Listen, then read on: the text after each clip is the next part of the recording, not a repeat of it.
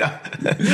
Det är jag Per. Jag pratar till er från ett akvarium i Tora Bora-bergen, inkaklad. Jag hör hur det ekar genom hörlurarna. Det här är, det här är crisp, mina damer och herrar. Crisp professional sound environment. Just den här kakelväggen du har bakom dig, Ja. tror jag, det, det, det kommer leda till episk ljudbild. Ja, ja, det kommer det göra. Det blir liksom studs. Så jag ber om ursäkt för ljudet. Jag sitter i, i ett härbre i Dalarna med en kakelugn bakom mig. Vad är ett härbre? Jag har aldrig hört ordet förut. Har du inte det? Nej. Det är alltså inte härberge Nej. som i typ här bor uteliggare, utan härbre som Ja. är, det måste ju vara samma etymologi för ordet, men att det är typ, ja det är så att här, det är sådana här du vet, hus som står, som man kan flytta runt och så står de på plintar. Mm. Så är de väldigt smala och rätt höga, så är de ofta två, vå- du har sett sådana här. Ja, ja nej, men jag tror jag vet vad du menar. Typ. Ja, det är typ en fäbod. Du tänker nog kanske på fäbod Ja, jag tänker nog på ser. Fabo, men jag tänker också på det kom ju någon film här för massa år sedan som Peter Jackson hade typ, om det var regisserat eller producerat, där det var städer som åt upp varandra. Ja, Jag kommer att tänka på det med att de kunde stå på ben och kunde flytta runt varandra. Jag minns inte vad den här heter. Mortal Engines tror jag Ja. inte. Det är en sån här episk flopp. Kostade liksom, ja men Rwandas BNP. Ja. Ja. Liksom, det räckte till att täcka Snickerskonsumtionen i det man fick in. Alltså det var Ja. inte bra helt enkelt. Nej. Men Peter Jackson har inte varit så bra på ganska länge å andra sidan. har han inte det? Jag har liksom ingen koll. Men det var, det var ju ett, ett, inte ett sjok, men det var ju några stycken. Det var typ Battle Angel Alita och så Ja. den och så någon till som var så här. Det här är jättebra animes eller manga eller något sånt. Ja, ja, vi, men vi lyckas liksom inte föra över så här, magin riktigt. Ja, men jag tänker också så här, Bi- Bilbo-filmerna är väl liksom, det, det är ju, det. det är liksom våldföra sig på originalkällan. Ja, och Martin Freeman som är lite oengagerad. Men han känns lite oengagerad i många av sina filmer. Jag också, gillar så- honom väldigt mycket för sig, men det kan ju vara en smakfråga. Men ja, eh, nog om Peter Jackson. Vad ska vi prata om idag, idag, om idag Per? Mm. Inte nog med att jag är tillräckligt proffsig för Nej. att sitta i världens sämsta ljudmiljö. Jag äter också samtidigt. jag har glömt bort vad vi ska prata om. Jag har inget manus. Nej, nej, jag minns ingenting. Nej, men vi ska prata om EPA pansarvärn. Ja, det ska vi göra. Det ska vi göra. Hur man improviserar fram, det här kanske slår ut pansrade fordon i alla stridsvagnar. Ungefär så. Ja, dels det och dels också sånt som inte är improviserat men alltså, utifrån vag feeling känns EPA. Mm, ja, alltså absolut. Vi har ju typ, det är inte så att det vi pratar om att ingen ingenjör någonsin har varit Nej. inblandad i processen, utan det är det ju. Så, framförallt på mina puckar, men Nej, men, men, det, men det, det, är det, här liksom, det är lite lustigt där för att jag vill ändå också framföra det innan vi börjar prata om det. Att det här är inte, i varje fall inte mina exempel, de är inte med nödvändigt dåliga. nej, nej. För, för att de slår ju ut vagnar liksom. Det är mer att, jag tror man ska sammanfatta liksom, exempel på pansarvärn där man kan tänka sig att den som använder det hellre hade haft något helt annat. Alltså Ja. vet, ja, det skulle vara nice om jag hade en pansarvärnsrobot nu. Ja. Men nu blev det det här. Ja, men vi ser ju liksom, framförallt från Ukraina då, så ser vi liksom alltså TOW-robotar Mm. och Robot 57 och sådana här mysiga, kvalificerade vapensystem som är lätta att använda. Och du kan ligga på två kilometers håll och Mm. bara slå ut T72 med champagnekorksmetod. Det är inte så det är här. Nej, nej men alltså, det, det här... Det, är vår, det är ju vår bild av PV-vapen som någonting rätt avancerat. Men det, var det, det har det ju inte alltid varit. Nej, och inte för säga. alla. Liksom. Nej, men det, är- det är just det här liksom att om du är finsk soldat under vinterkriget så är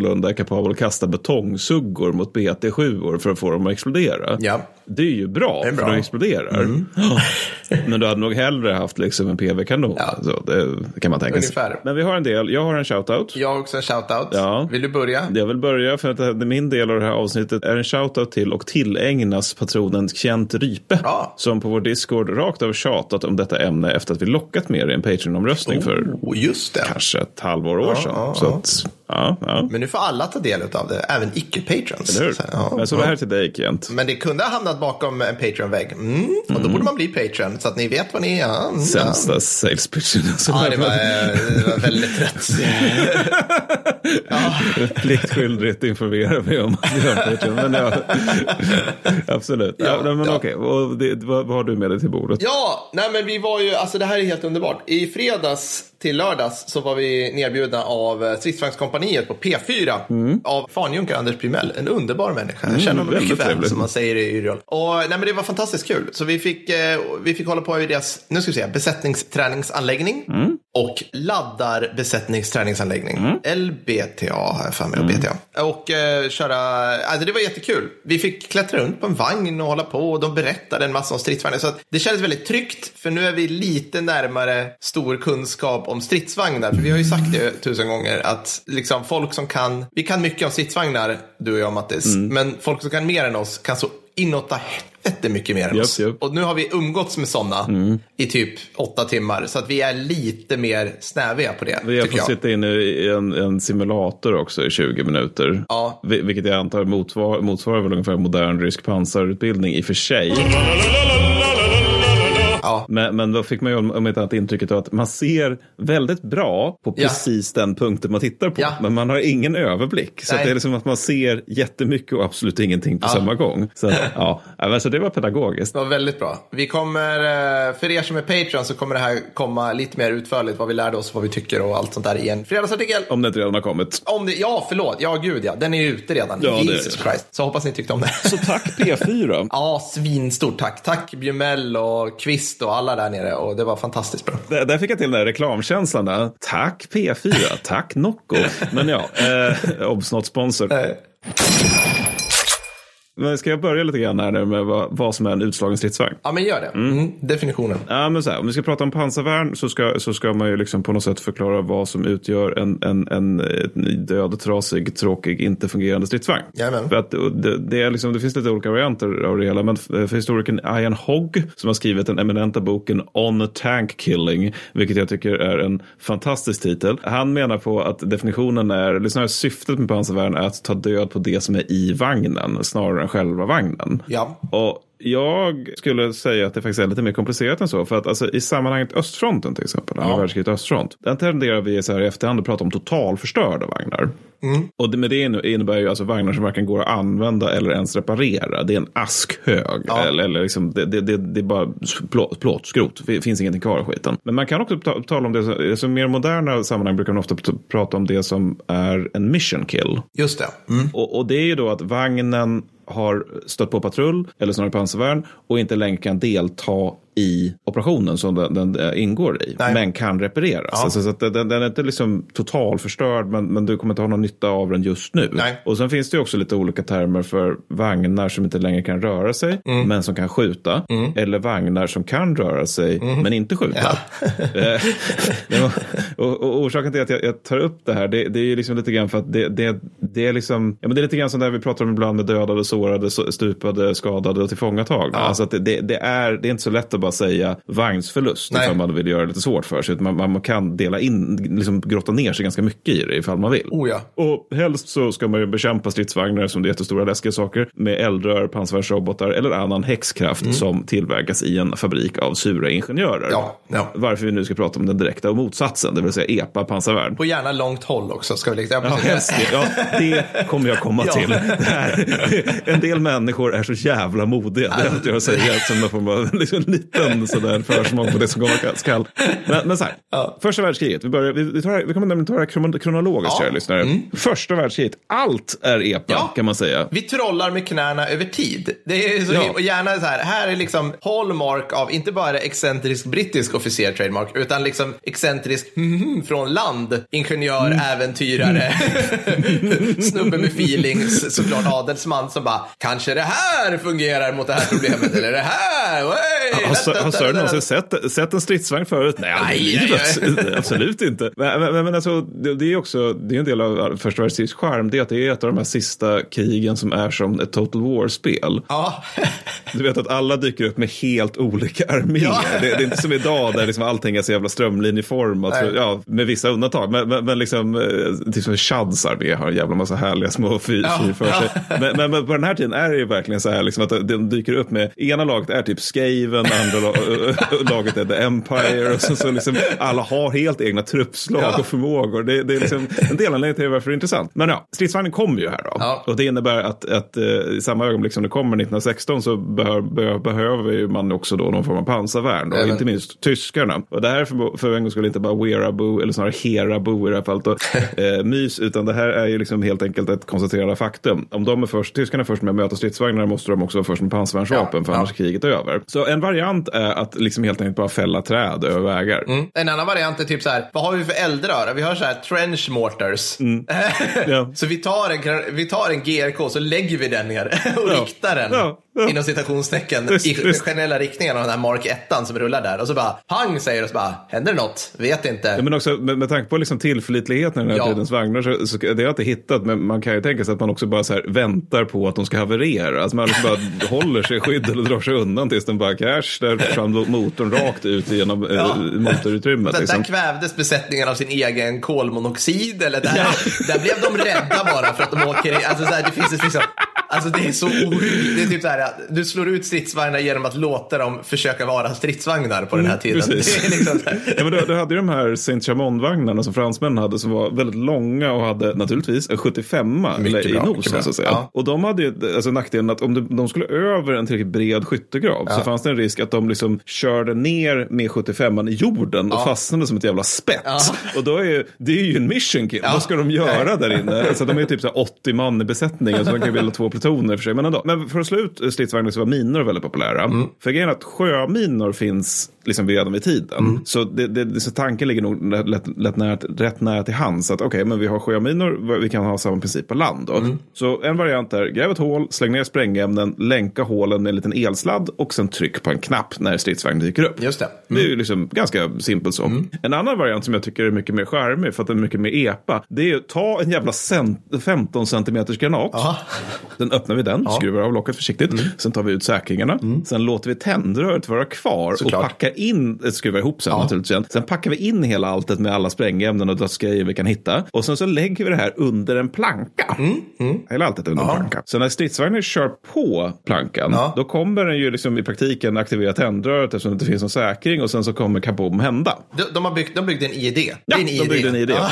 Och du kommer återkomma till det. Ja. Fast det är tyska armén som gör det här snarare än så här vag milis i Det Nordafrika. här är bra, för jag ska, jag ska prata med idéer. Det kanske var så man uppfann idén. Alltså, så här, eller...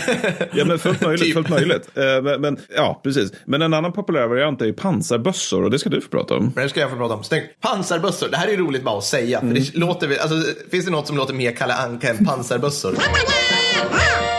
Det är som Joakim von Anka har en pansarbössa i bingen bredvid sitt muskedunder som han använder för att jaga bort björn. Alltså, och, eh, du liksom jag, kära lyssnare, har ju spelat många timmar Close Combat, vilket är ett av de bästa spelen. Jag och många med mig. Ja, ja. Och då vet ju redan du hur ohyggligt epa det är med, med pansarbössor. Mm. Framförallt under VK2, för det är då Close Combat utspelat. För då, vid det laget så är det alltid där, när man ska välja i unit roster inför slaget eller striden, då är det alltid så här AT Team Gun, Mm. Som AT Gun Team, förlåt, som alltid kostar minst, träffar aldrig och när den träffar så penetrerar den inte. Perfekt. De är alltid sämst, de, kan röra, de rör sig så här långsammast, det är liksom, ah, liksom. Så re, full realism med andra ord. Ja, men man väljer hellre typ en, en grupp Osttruppen med svinlåg moral med bara Kar 98 och pissig moral hellre än en AT rifle. Så att det är liksom, men det är AT rifle VK2. VK1 så händer det grejer. Problem Mattis, Ja. som Her ställer sig framför som vi var inne på. Britterna har uppfunnit stridsvagnen. Vad göra?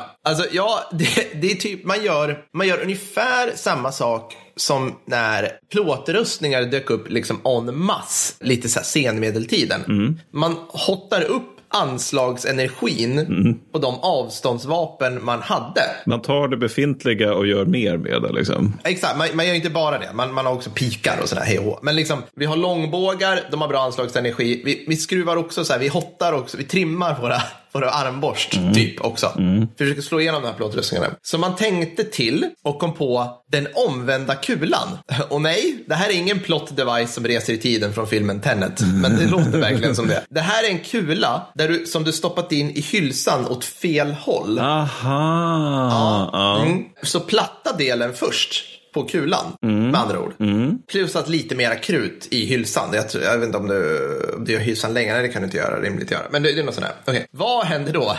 ja, och där går vi över och välkomnar in Fysikpodden. Det var härligt. Ja. Så nu är vi ute på så här djupt vatten igen Mattis. härligt. För något avsnitt Ja. sen var vi Kemipodden, nu är vi Fysikpodden. Vi måste sluta med de här, det är, alltså, det är livsfarligt. Mm. När den platta delen då, du skjuter, alltså så här, du, du laddar den här i en vanlig bössa. Vanlig Mauser. Mm. När den, eh, skjuter, när den platta delen träffade pansaret, side note, ballistiken på den här kulan, högst oklart. Ja, så fick kulan bättre grepp än med den spetsiga delen. För spetsiga delen, är, spetsiga delen är gjord för att slå igenom mjuka människor. Mm. Och liksom, antar jag, och liksom aerodynamiskt bättre. Vi, men det är problemet med pansar då, att då studsar den ju. För du har ju en spets, så du kan träffa den fel. Men med, med omvända kulan så liksom greppar den bättre. Ja, liksom. ja. Då överförs, om jag förstått det här rätt, en större del av rörelseenergin på pansaret. Just det. Ibland penetrerar den kulan, men det, igen, det den egentligen hoppades på, det var att stålet skulle bucklas inåt med sådan kraft att det skulle flisa sig på insidan. Så man var ute efter spåling helt enkelt. Ja, absolut. Precis. Alltså avge, men så här, flisa sig på insidan, spåling, alltså avge små sylvassa stålfragment i ett par meter per sekund och skapa jättedålig arbetsmiljö inne i vagnen. Jajamensan. Dagens underdrift, ja. Nej, men precis. Superdåligt. Problem, eller ja, så här, på kort håll, och jag vet inte, alltså, det är på kort håll, källa oklart. Liksom. Det kan vara 100 meter, det kan vara 20, jag har faktiskt ingen aning. Då slog den igenom ändå 12,7 millimeter pansar. Vilket betyder att på kort håll går den igenom Mark 1. Alltså det. britternas Mark 1. Rätt bekvämt. Så här. Denna omvända kula sköts som sagt med ett helt vanligt mausgevär. Men slet något så oerhört på det här vapnet. Ja. Så skyttet gillade den inte. Trots att den liksom hade någon form av verkan. Plus att återigen så här. Går den igenom. Då är det en väldigt, väldigt, väldigt liten stålfragment som studsar runt. Liksom. Det är nästan så att du inte vill ha det. Alltså det men, så att det här var högst suboptimalt. Speciellt för att man var tvungen att vara rätt nära för att få liksom den här. Det, det låter på något sätt som det här är första steget. Sen får vi se om det Det kommer ett är, andra. det här är liksom. verkligen Ja. första steget. Okej, nu börjar en kapplöpning. För britterna märker så här, bling, oj shit, det hände någonting. Det gick igenom någonting. Eller vi fick, så här, vi fick splitter i oss. Nej, det här var jobbigt. Så nu börjar en, en kapplöpning mellan brittisk pansarslek och tyska kulor. Där tyskarna tar fram en K-kula. Som hade en tung kärna i sig, alltså en tungsten eller stål. Så det är fortfarande en helt vanlig Mauser som skjuter den. Så det, det är bara pansarbrytande 762 som jag antar att de typ uppfann. Mm. Liksom. Jag antar att dagens pansarbrytande 762 typ är K-kulan. Sen kom de till det som ni tänker er är pansarbössan. 13,2 mm kulan som sköts med Mauser 1918 T-gevär. Och, det, och det är ju verkligen bara en jättestor mouse. Det är exakt, det är bara en så satans stor Mauser. Du har liksom, ja alltså du har hållit in skift. Och sen har du bara dragit upp bilden. Ja. Det ser precis ut som Ja, det. Alltså det är helt bara... Och här pikade typ tysk PV-förmåga under första världskriget. Det här var så här, det här, nu grabbar, meine kameraden, nu är det klart liksom. Ja. Så, och det här är välformulerat med dig Mattis enligt devisen större är bättre. Är. Mm. Ja, så den här badboyen var extremt epa. PGA-kolven var av solitt trä. Ja. Alltså, det var- var epa-programmet med en stor mauser. Alltså hela rekylen gick in i skytten. Ja, ja. undernärda tyska Just det. värnpliktige som höll på med det här då när den kom. Och vad sa du, 13,2 mm kaliber? Ja. Nej, det är mycket rekyl då. Och innan avfyrningen så hade han släpat, förmodligen släpat runt den här 18,5 kilo tunga bössan. I något lerhelvete för att hitta Ja. en bra eldställning. Vad, vad, vad är ett modernt GG väger? Alltså, eller snarare modernt som när vi gjorde lumpen. Det var väl 14 kilo? 14, 14 Ja, så det är alltså avsevärt tyngre. Det är avsevärt Carl mycket mer. Gustav. Ja, och du har ingen så här bärhandtag. Nej, det finns nej, nej. inget sånt. Utan det är bara en enorm Mauser med bip. Alltså den är fruktansvärd. Så att högst sämst. Mm. Men den slog igenom, med lätthet igenom pansaret på en Mark 1 på 500 meter. Mm. Enligt en penetrationstabell jag hittade på internet. Så att absolut inget du ska lita på det jag precis sa. absolut Alltså inte. penetrationstabeller ljuger kontinuerligt ungefär. Och det finns ju problem med det här också. Man tyckte att det här var väldigt on point då. Att det Mm. gick igenom så här. Men som sagt, det ska ju hanteras som ett komplett vapensystem. Var ska det här sättas in? Mot vilka? Hur? Mm. Alltså, ska vi framrycka med de här monstren? Liksom? Och liksom kulorna, allting, allting väger ju så fruktansvärt mycket. Så man, hade två teams liksom. Mm. Så att det här var liksom, ja, det här var tysk PV under VK1. Därför jag minns att Forgotten Weapons som ju är en trevlig YouTube-kanal, Ja, de har avfyrat Jesus, en sån där. ja. Ja. precis. De har avfyrat en sån där någon gång. Och där vill jag minnas att den penetrerade alltså motsvarande pansarplåt som de hade ställt upp då, som en Mark 4 eller 5 tror jag. Ja. Så, så att alltså, den, har genomslagsförmåga, men de, de konstaterar att det är lite spännande med den är ju att, att den, den gör ju liksom ingenting i själva vagnen. Alltså Nej. det är ingen RSV-effekt där, utan du, det är ju snarare så att du måste ligga och skjuta mot stridsvagn och sen liksom försöka alltså verkligen träffa de som är inuti stridsvagnen. Ja, ja, Och exakt. alltså gör du det med en 13,2 då dör de. Det är ju ingen snack om den saken. Men, men det är, ändå, det är ganska annorlunda mot hur det är idag, där liksom hela vagnsutrymme bara eldas upp. Och, ja. Ja, nej, men jag, jag, exakt så. Jag, jag, jag, har, jag kommer lite till det här också. Men i varje fall då, så penetration tyckte man så här, det räcker uppenbarligen som du var inne på. Liksom. Tyskarna bara, det räcker. För att vi har inte uppfunnit RSC, vi har inte förstått det här. Alltså det sjuka var att man med, med den omvända kulan var ju inne på precis det du vill uppnå. Ja, precis. Splitter-effekt Ja, i vagnen. ja. Så man var ju nästan där. Ja. Men, men ändå inte. Men man släppte den vägen. För det var ingen som utvecklade den omvända kulan-grejen. Men kinetisk energi, vi kanske bara, så här, man hade kunnat bara, vi ska bara skjuta en klump Mm. på den. För då kommer liksom, ja, Rundskott. precis. Hur orimligt den låter. Så efter kriget så tyckte flera länder att åh, det här var ingen vapenteknisk återvändsgränd, utropstecken. Let's go! Och så tillverkar man egna pansarbössor under mellankrigstiden. Ja, ja. Så epat fortsätter. Men nu blir det lite roligt. För nu kanske du underbara lyssnare säger så här, Per, det var ju lätt att vara efterklok, hörru. Jo, jo. Men återigen, som du var inne på, hear me out. Alltså, du skjuter en stor hårdmantlad kula som går igenom pansret. Mm. Okej, sen då? Var är min underbara trycksplitter och brandverkan på personalen som jag vill åt? Begränsad. Begränsad, högst begränsad. Så att man borde ha funderat på anslagsenergin återigen. Nu repeterar jag mig själv. Klipp allt det här Fredrik. Men, men roligt. Jag kan inte släppa mitt manus. Det går, ni märker det. Jag, är- alltså, det, här, det här går på räls. Jag ber om ursäkt. 119 avsnitt in. Så. Ja, ja, ja. Hur som helst. Britterna då, Mm. sin vana trogen, att ha galopperande undermåliga PV-förmåga. Piat, anyone? absolut. anyone heard of Piat? Ja, ja, de kan vi förstå att de bara tyckte, åh shit, pansarbössor, det här. Ja. De tog ju fram Boys Anti-Tank Rifle som, ja, den var farlig mot tanketter. Slutpunkt. Allt är farligt mot tanketter. Ja, allt är. Kulsprutor är farligt mot tanketter. Ja. Gemensamt för nästan alla de här gevären som att alla tog fram, Mm. det var att det, det var en stor patron och kula, minst 12,7. Så Mm. att alla hade liksom, alla tittade på Mauser T-gevär och bara, ah, vi, den här ska vi köra på. Utom polackerna. Mhm. Mm, de tänkte ett varv till och bara, vänta nu, är det inte så att utgångs, utgångshastighet är lika med anslagsenergi på steroider? Mhm. Det här är den enda ekvationen den någonsin kommer lägga i den här podden. Så att vi behöver inte komma ihåg det. Mm. De tog fram modell 35. För, och jag bara säger modell 35 för jag tänker absolut inte försöka uttala det polska namnet på det här vapnet. För det är Nej, eh, nej. 7,9 millimeter gick de tillbaka till. Alltså Jaha, plintkaliber. ja. Men med dubbelt så mycket krut i hylsan som en vanlig 7,9 vilket gav en utgångshastighet på över 1200 meter per sekund. Det är snabbt. Väldigt snabbt. Och en mynningsenergi på 11 850 joule. Är det mycket? Eh, det- ja. Eh, Ja, kommer jag säga.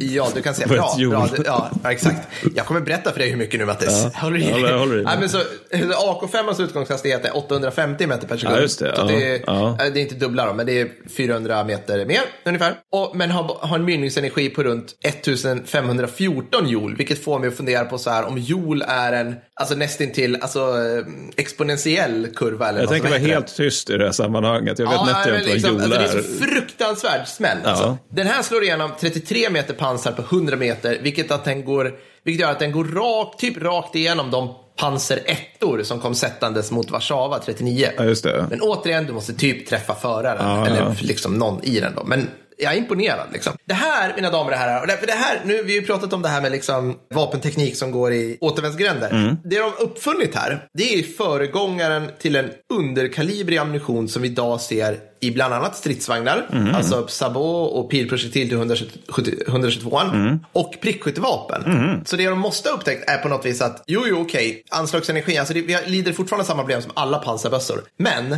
vi, vi ligger här och skjuter och vi träffar så jäkla bra. För att, och det här kan jag berätta, liksom, nu blir det anekdotvarning, men jag, har- jag, när jag fick brukarutbildning på PSK 90, då fick man ju sitta och traggla så här ballistikbanor, vindavdrift och sådana här saker för att den här 762 skulle liksom nå träffa så här. Sen fick vi skjuta, det här var med vanlig skjutvapen, sen fick vi skjuta med UKAL, alltså underkalibrig ammunition. Ja. Det var som att skjuta med ett railgun. Alltså det, det var så här, sikta rakt i bara. Alltså den bryr sig inte om vind, Aha. bryr sig inte om ett skit. Det bara går som en... Så det är bara liksom en rak linje istället för- okej, ja. Helt underbar ammunition. Så, det, så jag, det tyckte jag var kul att, och det här är liksom det sista ni kommer höra om pansarbössor. Efter VK2 så händer det ju såklart ingenting. Men att, att liksom, det slutar typ med att polackerna uppfinner Men polackerna var ganska inne innovativa på många sätt. Ah, alltså det, de, de ja. inte, vi ska ha någonting någon dag om Polen under andra världskriget. Men ja. det, det, är inte ja, nej, men, ja. Men, men finländarna hade ju någon så här Lahti modell 39 mm. eller något sånt där. Mm. Alltså, och där är på något sätt, de har väl, där är väl att de bara har gjort en ännu, ännu större. Alltså, ja. där, där börjar man ju närma sig någon form av Akan nästan, fast som drivs, som bärs av en finsk hjälte naturligtvis.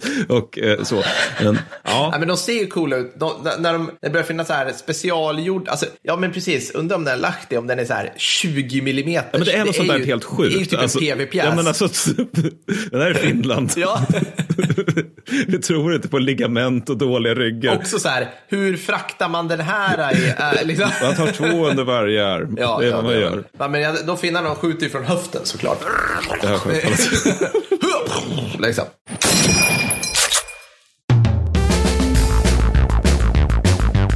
Hörni, om kriget i Ukraina visat oss en sak så är det att med lite god vilja och valkar i nävarna så kan man stoppa vad som helst. Därför har Gösta kombinerat sina två största nöjen i ett och öppnat upp en smuggelsprit slash verktygsbordershop. Han inbjuder dig att bli en av delägarna i göstaspansarvärn.net där vi alla kommer bli miljonärer på att över nätet sälja högkvalificerat finskinspirerat pansarvärnsmateriel. Jajamän. Betongsuggor att kasta, hammare, spett, kofot, stockar och inte minst en massa fulsprit och hembränt. Det här är lika mycket för att bygga upp moralen som för att göra molotovs av. Mattis, du har väl redan testat om SL-bussarna pallar med ett välplacerat betongfundament medan du rålat Rönninge håller, eller hur? Jajamän. Ja, ni hör. Häng med omedelbums.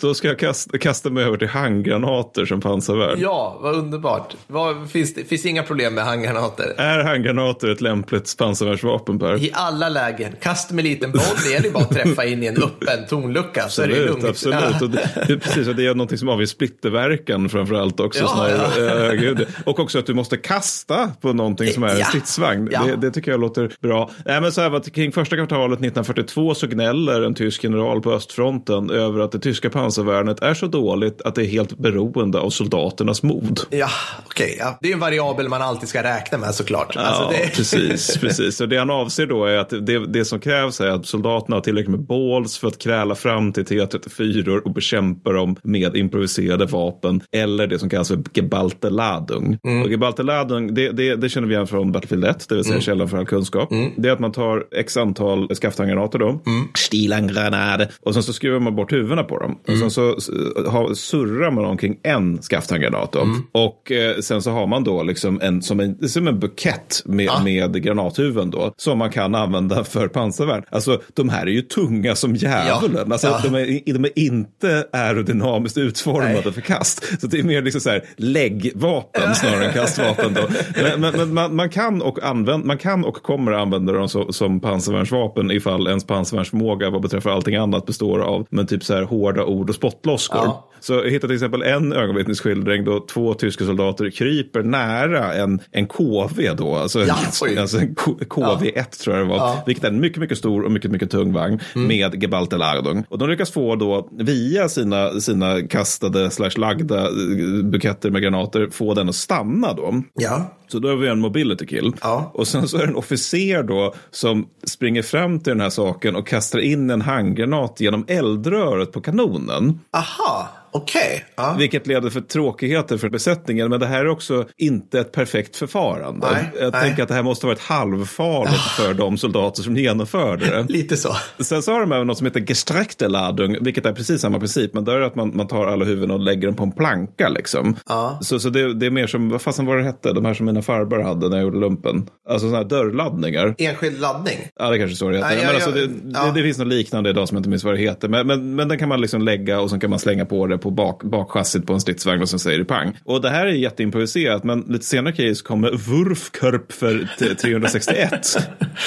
det är inte, inte alls improviserat för att det är istället att det är en granat som skjuts från en moddad signalpistol. Då. Aha. Så det är som en, en granattillsats fast i pistolform. Ja. Vilket jag alltid tyckt att varför har man inte... Det, men, det, ja. Jag tycker någonstans det låter som en ganska bra idé någonstans. Ja. Att du vet så här, gruppchefen bara, eller vad fan alla, kan bara liksom ha i bältet och titta stridsvagn, pang! Ja. Och sen så liksom John Wicka bort bort den. Men sen hade den en kusin som hette Panzerwurfköpfer 42 blir det väl då. Får jag bara lägga till det där med, med granatillsats? Mm. vi, vi har ju, eller Sverige springer runt med granatillsatser under sina AKs nu. Mm. Eller det har vi gjort i många år. Tror jag, amerikanska marinkåren har ju gått tillbaka till en ny version av den där M79 Thumper som de hade i Vietnam. Jaha. Mm. Man har kommit på att det är bättre att ha ett standalone vapen Ja, men den har också alltid känns, tyckt känns på något sätt lite vettig sådär. Ja. Alltså, den jäveln kan du ju ladda med nålammunition om, om, om så krävs. Jaha, alltså nål? Ja, alltså original-thumpern hade, eller liksom mer som hagel snarare då. Men alltså ah. du, du, hade ah. dels en som var skjut och spräng, en som ah. är liksom ta bort det som är buskaget alldeles framför mig i en stor liksom kvast mer eller mindre. Men i alla fall, Panzerwurfköpfe, mm. Det det, är alltså, det är också utgår från en slags pistol, alltså en variant av en signalpistol kan man säga. Och det är då en PV-granat med RSV som kan ta sig igenom 80 millimeter pansar. Ja, ja. ja. Så att du går fram till pansar, du har liksom en duell med pistol med ja. stridsvagn då. Och T34 frontalpansar är då 45 47 mm. Så att det här, det, det, det funkar. funkar. Ja, ja, det funkar absolut. Enda lilla tråkigheten är att den är fullkomligt jävla livsfarlig för användaren. För räckvidden, vad tror vi den är Per? Ja men 30 meter. Nej, men alltså... ja, nä, nästan, alltså det är 69 meter så det måste vara sjukt nära en stridsvagn för att det här ska liksom vara bra. Så att det här är ett projekt som finns men det är också svårt att sidosatt i förmån för andra RSV vapen som tyskarna ja. håller på med. Och allting annat, typ jagdtiger, alla, alla, alla wunderwaffen de håller ja. på med. Men, men grejen är att när det gäller granater, så, alltså handgranater, där har även ryssarna sina egna. De har en som heter RPG 43, mm. som är en RSV-granat. Och den här, den här är dock väldigt, väldigt klumpig och måste liksom, alltså eftersom det är RSV så måste man liksom träffa stridsvagnen i en viss vinkel. Ja, precis. Så du måste kasta den och sen så måste den tumla genom luften och sen för att RSV ska få någon form av utslag då så måste liksom, vad ska man säga, alltså vad det nu är, det, anslagspunkten måste vara exakt där RSV-strålen börjar. Ja. Är du med? Ska det, men ska den detonera i luften? Måste, eller ska den detonera vid nedslag? På... Med nedslag. Så, men, men då måste du liksom göra så att den, det nedslaget sker där RSV finns så att säga i granaten. Ja. För det är ju som ett rör i granaten. Ja, precis. Så, så, okay, så du ska kasta den och du ska klong, ja. alltså du ska träffa stridsvagnen ja. och då ska den smälla. Precis, och då ska, okay. precis. Gud vad enormt svårt. det är töntigt svårt. Men, men så, med andra ord så utvecklade de till 1950 en grej som heter RKG 3 då. Och den här ja. istället, den är ganska gullig. Vänta, förlåt, sa du till 1950? Ja. Aha. Okej. Okay. Så de... ja, nu är vi efter andra världskriget. Det var inte men... så här, panik, panik, vi måste få fram något PV-vapen. Nej, nej, nej, Det, här, det här är en teknisk grej vi fortsätter. ja, det hade jag inte ens tänkt på. Det, men det här, vi är stolta okay. ryska soldater som inte känner någon skräck och är precis som den sovjetiska idealmänniskan. Ja. Som med andra ord så är det inga konstigheter med att infanteriet har pansarvärnshandgranater. Absolut inte. Nej. Men, men, den här då, alltså den här är ganska gullig för den här har en liten fallskärm som vecklas ut vid kast. Nej, jo. gud det här är ju bra grejer. Ja, men så du kastar iväg den då och sen så kommer det ut en liten fallskärm och sen så dalar den ner då. Ja. Och grejen är att den kommer då hamna i rätt vinkel för att den här RSV-funktionen ska fungera. Ja, just det. Men du måste också se till att den dalar ner lite vackert över en stridsvagn. Ja, det kanske ja. är en nackdel. Men, jag, men jag vet inte, det kanske går att den dalar. Men, men, men, den här har använts i Ukraina också av ukrainsk trupp. Alltså att, Va? Men, ja, visst, den film jag såg över det var i och för sig så att de, de slog ut ett fordon som redan var immobiliserat. Så att det var liksom inte så här T72, eller ja, T55 snarare, kom ruschandes liksom i, i mängd och partier minut. Utan, och de stod och kastade. Utan det var som att det var något som redan var utslaget. Och då kastade de iväg en, en RKG 3. Då. Alltså det här, det här är ju underbart. Jag har ju delat, jag tror jag delade på Twitter höll på. Alltså handgranater med fallskärm var ju mm. en grej eh, under, under första ja. världskriget också. Ja, men det var några alltså, franska... Kul att det där lever kvar i ja. aparta arméer. Ja. ja, det var franska. Ja, precis. Det var fran... arméer som den franska och sovjetiska ja, små nej, men, men liksom... nej, men, nej, men jag fattar vad du menar. Jag tror inte Frankrike har kvar fallskärmshandgranater. Det, det, det tror inte jag heller. Det, uh, nu ska, ska, kommer vi till, till, till, till rubriken Sjuk skit under vinterkriget. Suomalainen sisu. Mycket bra rubrik. Mm. Ja, alltså de, de, de, de, de hade ju stor brist på pansarvärnsförmåga då. Alltså inför kriget så påstås det, operativt ord, att man bland annat ska lärt ut att så här, alltså om du ska besegra en stridsvagn ska du trycka in stock i bandaggregatet. Och, och då påstås mm. det att det här också prövades liksom under skarpa förhållanden men att liksom stocken blev flis. Ja. Och orsaken till att det är påstås inom stora jävla citationstecken det är att allt jag säger om Finland här, här efter är förmodligen rena lögner. Mm. Eh, för att det finns så sanslöst många heroiska skrönor från det här kriget mm. som vi mm. svenskar med glädje lapar i oss. Mm. Så att det jag, tror, det jag kommer säga nu under fem minuter stämmer inte nej, förmodligen. Nej. Men, men, men oavsett. Ja. Eh, 11 december så angriper reservlöjtnant Huivonen och reservfänrik Virki en sovjetisk stridsvagn vid Suomusalmi. Mm. Så att allting är liksom i den perfekta, den perfekta finska krigshistorien här. Det är reservofficerare ja. och det är dessutom eh, en sovjetisk stridsvagn och det är vid Suomusalmi och de är få och ryssarna är många. Mm. Så det är liksom... Mm. Det, det, är så en perfect match här nu liksom. Ja, mm. ja, det är många vändiagram som mm. går ihop för att liksom mitten, mittengrejen där ska bli det här är en finsk krigshistoria. Eh, så Huivonen, han har då ett citat knipp leap. Handgranater med sig då. Och Virki, han har istället sin pistol. Mm. Och planen är då att Huivenen ska komma nära stridsvagnen och kasta sin, sitt knippe med handgranater på stridsvagnen så att den ja. går sönder. Och Virki ska distrahera vagnen. De! Vilket jag tycker är väldigt bra. Och Virki distraherar då genom att tömma sitt magasin från sin pistol mot stridsvagnens siktspringor. Ja. Och sen så när han har gjort det så kastar han sig skydd för att ladda om. Och stridsvagnen besvarar elden då från virke då. Mm. Medan huvuden krälar närmare, krälar närmare med sitt knippe här då. Och vid tredje studsen så, från virke då, så tredje gången han kommer upp och blastar stridsvagnen med, med sin John Wayne-pistol, ja. då retirerar vagnen.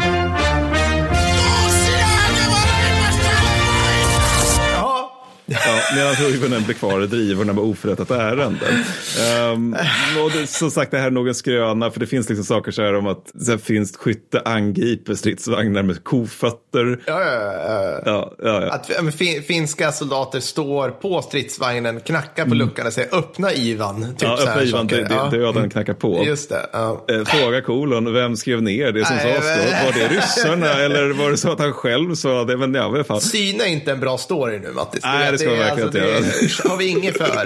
det här är eventuellt ett avsnitt och det är det avsnitt som också får, får heta i vårt sista avsnitt ja. för att folk kommer bränna ner den här podden. Men, nej, men alltså, syftet med det här med angivning med kofötter då, det är att man ska slita bort banden och genomföra mm. en mobility kill. Och det här ja. kan ju nu inte stämma. Jag, jag vägrar gå med på att det här har hänt. Om det har hänt så är det Mannerheimkors till varje finsk soldat som försökte genomföra det här. Så här, Vi ska försöka att framkalla en bandkrängning på en rullande mm. stridsvagn. Mm. För det krävs ju liksom att, ja, du får, jag tror inte du får av dem om den står still, för då är det för spänt. Så du måste få den att rulla. Så att ja, du kan, du vet, som att du kan kränga av en cykelkedja. Liksom. Ja, Måste det vara. Så att du ska stå där och hålla i och bara, ja. hoppas han kör snart. Ja. Eller så ska du springa fram medan han kör och sen ja. följa efter. Ja, men det här hände, alltså, det, boken jag läste påstod också att ja, men och det här var ju sovjetiska stridsvagnar ut, utrustade med eldkastare, men det löste de genom ha så här blö, blöta alltså, tygbitar framför ansiktet, så då var det lugnt. Ja, ja, då. Det är som man besegrar en eldkastarstridsvagn. Ja, ja, det är inga konstigheter. Fuktiga tygtrasor. Den vill vara i närstrid, jag vill vara i närstrid. Allt är perfekt, jag har kniven med mig. Men, men om vi ska lämna Finland lite stund. För ja, givetvis molotov cocktails är någonting de ja, har också. Ja. Men det har man även under spanska inbördeskriget för den delen. Men, men vi ska lämna Finland så ska jag ta min sista punkt här. Så ska du få prata om IEDR. Mm. Och det är någonting som jag har velat prata om länge. Och det är brittisk pansarförmåga under slaget om Storbritannien. Ja, just det. Det tänker man ju inte så mycket på när man har så här heroiska dueller mellan Messerschmitt och Spitfire i brittiskt luftrum Nej. ovanför. Liksom. Nej, Nej, för att mm, alltså, spännande. För ja. det är ju en aspekt av slaget om Storbritannien. Men, för, för liksom, men det är ju flygvapen vapnet, det är ja. RAF. Men för brittiska arméns del så ja. handlar det snarare om vad i helvete gör vi om ja. det kommer pansardivisioner till, till, till, brittiska öarna? Just det, var är vår tunga materiel någonstans? Eh, det är kvar i Frankrike. ja, just det. Hoppsan, eh, tusan också. Ja, men det är just det här alltså att det, det, här vet vi idag att det typ hade varit bra för världen om tyskarna hade förstört sig, försökt sig på Selöv, ja. det vill säga invasionen mm. av Storbritannien. För att då hade de typ torskat kriget 1940. Ja. För att det var en sån jävla High Chaparral-plan. Liksom. Ja. Alltså att du, du får vara väldigt uppdragstaktisk för att lösa det med brist på tonnage och liknande. Ja. Men, men det är ändå liksom, det vet ju inte britterna vid tiden. Och det, det, kan man inte klandra dem för. För de, de, de, det enda de känner till är sina egna svagheter. Mm. Och sen så inte tyskarnas dito. Nej. Så att då är det liksom det här, hur gör vi med pansarvärn då? Och några av de som ska hantera när Grossdeutschland-regementet kommer stormandes, det är då Homeguard. Ja. Och det består, alltså Homeguard är det vackraste Storbritannien har gett oss. Alltså det, det, det, är liksom, om du tänker nidbilden av hemvärnet ja. i Sverige, men inte nidbilden så som den ser ut idag, Nej. utan så som den såg ut 1950. Ja, alltså, ja. du vet, så här, alla har en kroppsform som ett päron, ja. ingen har framtänder, alltså, det, det är så, ah, ingen kan se ordentligt. Alltså, det, det, är de som är för unga eller för gamla eller för dåliga för att vara med i armén. Och jag ska tillägga så här, så här, efter Dunkirk är inte brittiska armén petig med vilka de plockar in. Nej. Så Nej. att eh, de ska då eh, framförallt sinka tyskarna då så att mm. den reguljära armén kan rycka in och liksom där det gäller. Så. Mm. Och grejen är ju då att eh, britterna kan 1940 knappt rusta sin egen reguljära armé. Nej. Nej. Då återstår det till Homeguard Per. Ja. Kan du ta med eget vapen, egen vadmalsjacka? Alltså, egna, vapen var inte ovanligt. Jag minns att de faktiskt drog omkring med typ så här, du vet, hagelgevär avsedda för fasanjakt och liknande. ja. Vi ska ut på rävjakt pojkar. Nej, men så att, eh, alltså, till 19, senare 1940 så saknar omkring 40 procent av Homeguard guns. Alltså de, de, har, de har inga eldhandvapen. Mm. Nej. Alltså, vi brukar kritisera folk när de inte har tunga vapen. Så 1941 är bristen fortfarande stor. Ja. Lösningen, det är det vackraste som har hänt. Lösningen, det är att Ministry of Aircraft Production får en beställning från armén, då, eller snarare från Homeguard, på 250 000 pikar. Wasn't that better? Nej. Jo, det är alltså metallstänger som man har surrat fast en utrangerad bajonett på. Försvaras då med att det här är ett citat mycket effektivt och tyst vapen, slutcitat. Och det är ju sant, men det är också en pik. Vad fan ska de göra med piken? Well, I, Alltså, det här finns debatter i parlamentet där man, där man diskuterar den här frågan. Det bara, ja, å ena sidan och å andra sidan. Alltså, det måste ju vara liksom för att de ska få bra bilder för att visa sin beslutsamhet. De kan inte ha tänkt sig att 250 000 man ska stå i en jävla pikhäck och försöka ta emot en Pansar. faktisk infanteridivision. nu kör vi.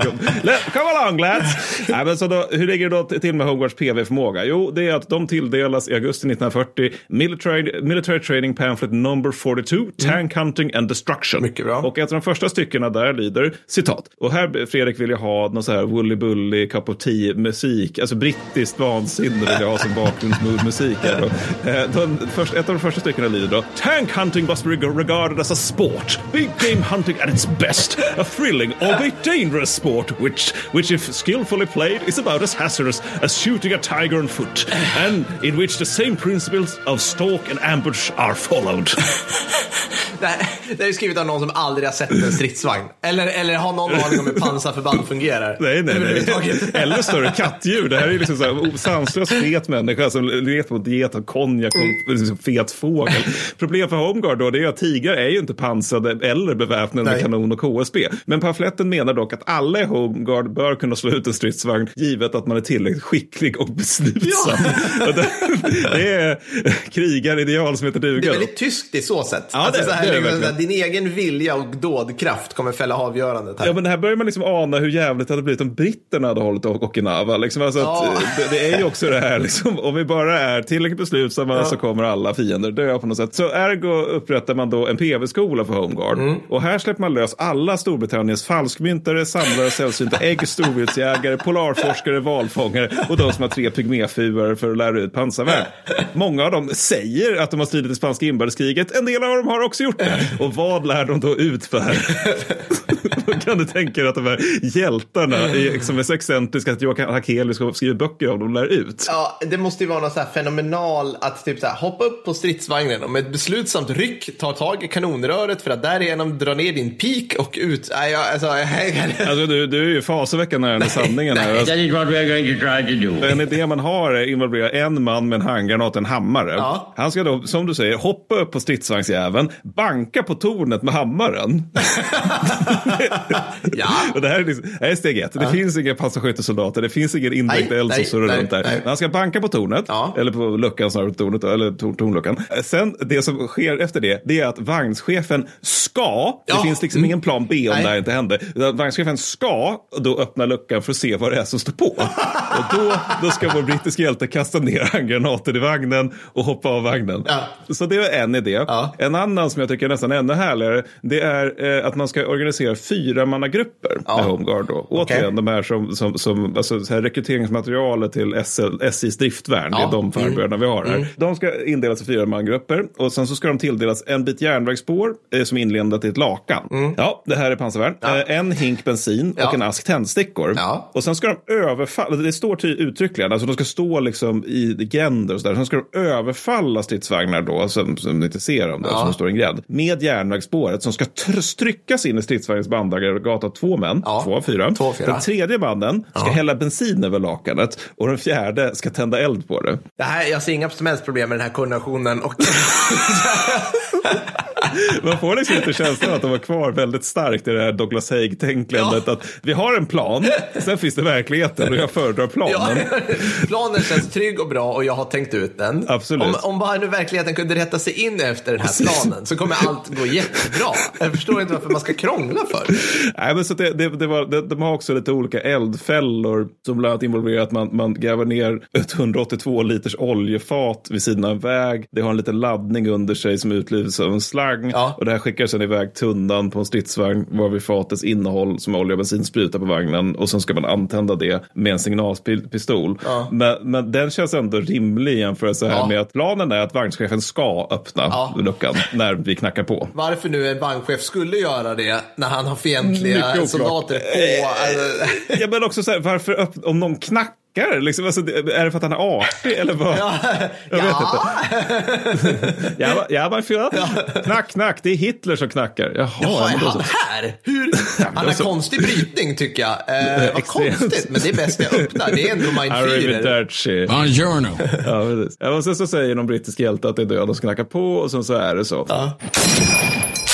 Men ja, så nu ska du få prata om IED. Ja, exakt. Och återigen, där kronologisk ordning. Fast vi kom ju på att tyska armén uppfann det under första världskriget. Mm. Har vi nu konstaterat. Ja, här men eh, idé, brett begrepp. Det här är lite grann på något vis definitionen av det av, som är EPA, Mattis. Alltså improviserat. Ja, visst helt enkelt. Jag har dock försökt snäva in det mot, alltså bara pansar när jag har kollat på det här och då under Global War on Terror i Affe och Irak. Mm. Och pansar, pansar i det här fallet är pansarskyttefordon och stridsvagnar, tänker jag. Och det går, alltså så här, det jag kommer fram till i mina efterforskningar här, som, mm, det är det att det går ju såklart att bygga en idé vars syfte är att förstöra en stridsvagn. Men Mattis, det är svårt. Ja, det måste vara ett helvete svårt. Ja. Ja, och du och jag och Fredrik har ju nu nyss sett en riktig modern stridsvagn på nära håll och tänker oss att hur, hur ska någon påverka den där? Alltså den är ju jättestor och jättefarlig. Och det är den också. Alltså, jag har ingen så här liksom, alltså, och, så här, så här, du var inne på mobility kill och det kommer jag till. Men säg att vi ska, säg att vi ska utradera den som, som en,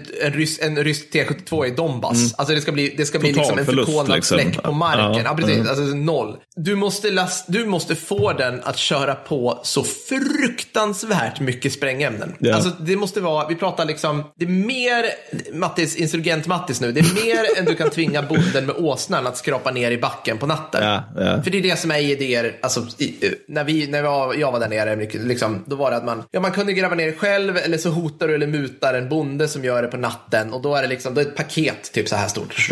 Det kommer knappt, det kommer inte stridsvagnen märka av. En modern stridsvagn som mina fem har 10 kilo trotyl i sig. Och trotyl är i det här fallet liksom ett proffssprängämne. Ja, det, det är det inte man använder i Afghanistan. Jag. Det är, eh, liksom. Och då är det, det, det är realistisk, där är ju då, som nu utbildar oss och dig och alla i försvaret på, det, den realistiska effekten om en fientlig vagn åker på minan är att man slår av bandet och att de i vagnen blir en smula omskakade.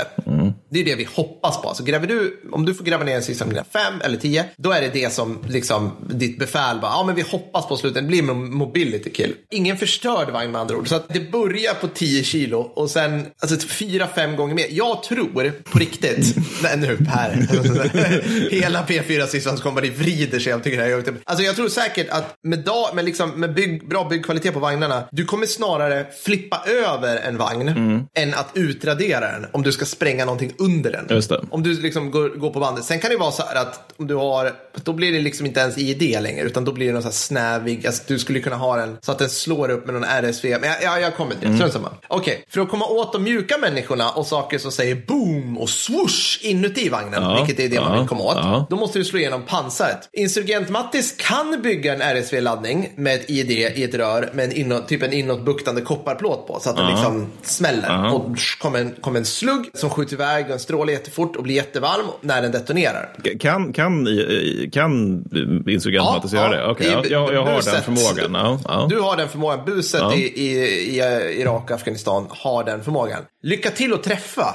ja, det är ju nästa stämma då, ja, naturligtvis. Ja, ja, alltså då ska du liksom, okej, så hur svårt är det att träffa? Ja, i Försvarsmakten hade jag nyligen en typ så här uppfräschning på ett p-skott. Mm. Och vi pratade om att så här, men just det, min i värnplikten, lalala, var det någon som sa, kan vara jag.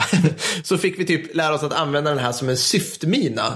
Har du fått lära dig det här? Ja, det gång? minns jag inte. Eh, Beskriv. Man surrar p-skottet på ett träd med hjälp Ja, av just snöre. Just det. Jag, det var, jag Ja. tror de kallar det så här, jä, jäg, allting som är snävt i svenska försvarsmakten kallas ju alltid jägar-X. Ja, alltså, jäg, ja. ja. Precis. Och sen har du ju, du har på p-skottet liksom små hål i liksom där sä säkringarna sitter. Så att du kan dra en tråd genom det och sen dra ut tråden. Så kan du ligga bakom Ja, just ja, men där och känner dra jag igen den. Ja. Det här som ser jättelätt ut i Soldef. Ja, precis. Ser otroligt ut. Och, och vi, någon frågade nu instruktörerna som bedömt har den fräschaste kunskapen i det här på infanteriet. Bara, jo, man kan.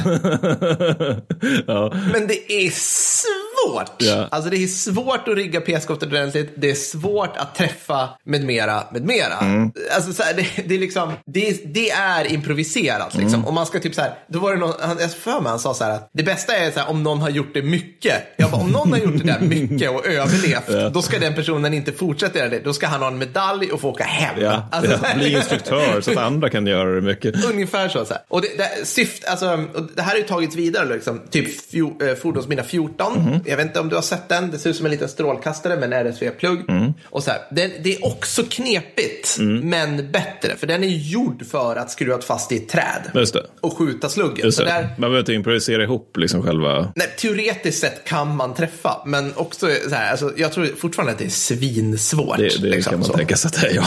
Ja, för du, har ingen, du, liksom, du höftar ju bara. Ungefär när stridsvagnen är vid det trädet, då ska jag dra av den här. Och då ska ju allting klaffa så snabbt så att den träffar. Alltså du vet, Ja, det är... ja, Nej, det, det är många pinaler där. Ja. ja, så okej. Nu har jag lagt upp svårigheten i det här. Ja. Så nu tittar vi på resultatet. Hur många typ Abrams klarade sig i, eller hur har typ Abrams klarat sig i diverse ökenkrigen då? Mm. Eh, Afghanistan och Irak. Väldigt bra. Bandfordon behöver ju typ för det första inte följa vägar. Nej. Utan kan likt våra CV90 så här studsa runt i terrängen och ducka typ vanliga platser för IEDR. Vilket gör så här, aha, här har vi en väg som liksom kanaliserar en terräng. Här skulle jag ha lagt en IED. Mm. Då kan stridsvagnen eller CV90 bara, jag åker inte här om jag kan ta mig runt. Tack så hemskt mycket. Det står fortfarande så här utbrända T72 från 80-talet här. Liksom. Typ så, Ja. liksom. Medans hjulfordon och skit kan inte, Nej. måste bara ta sig, ja, hur som helst. Sen om de väl kör på en idé så skyddar pansaret och tyngden i vagnen väldigt bra. Mm. Man har tagit enskilda förluster, framförallt i Irak, eller ja, det är Irak man har haft Abrams. Man har tagit enskilda förluster i stridsvagnsbesättningen,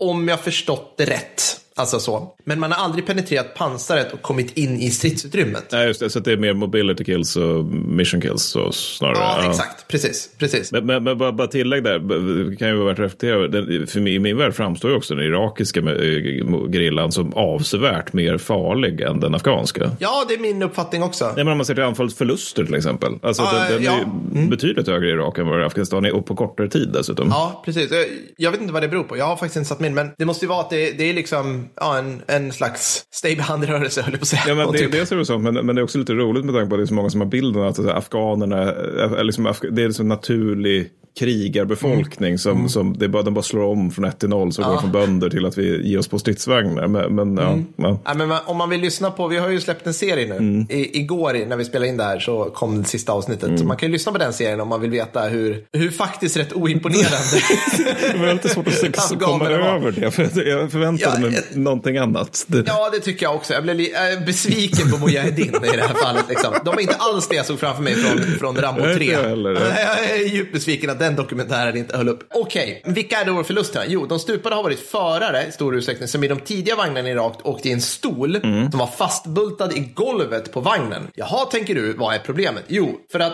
om en explosion sker under vagnen och lyfter den, Mm. alltså då, då blir liksom som att rörelseenergin fortsätter genom vagnen och allting som är löst förvandlas till projektiler. ja, ja. Även människor. Det. Liksom. det blir som att du slår i någonting svinhårt och det liksom hoppar under ett bord, så hoppar det till. Och då, det som hände då var att liksom, ja, jag antar att de här människorna liksom bröt nacken eller slogs ihjäl av rörelseenergin när det blev en sån smäll. Liksom. Och det är, det, är, det är just det här, den här energin som man har försökt leda bort i alla sådana här mine resistance vehicles. Just det. Då är det så här, du vet, båtformat skrov.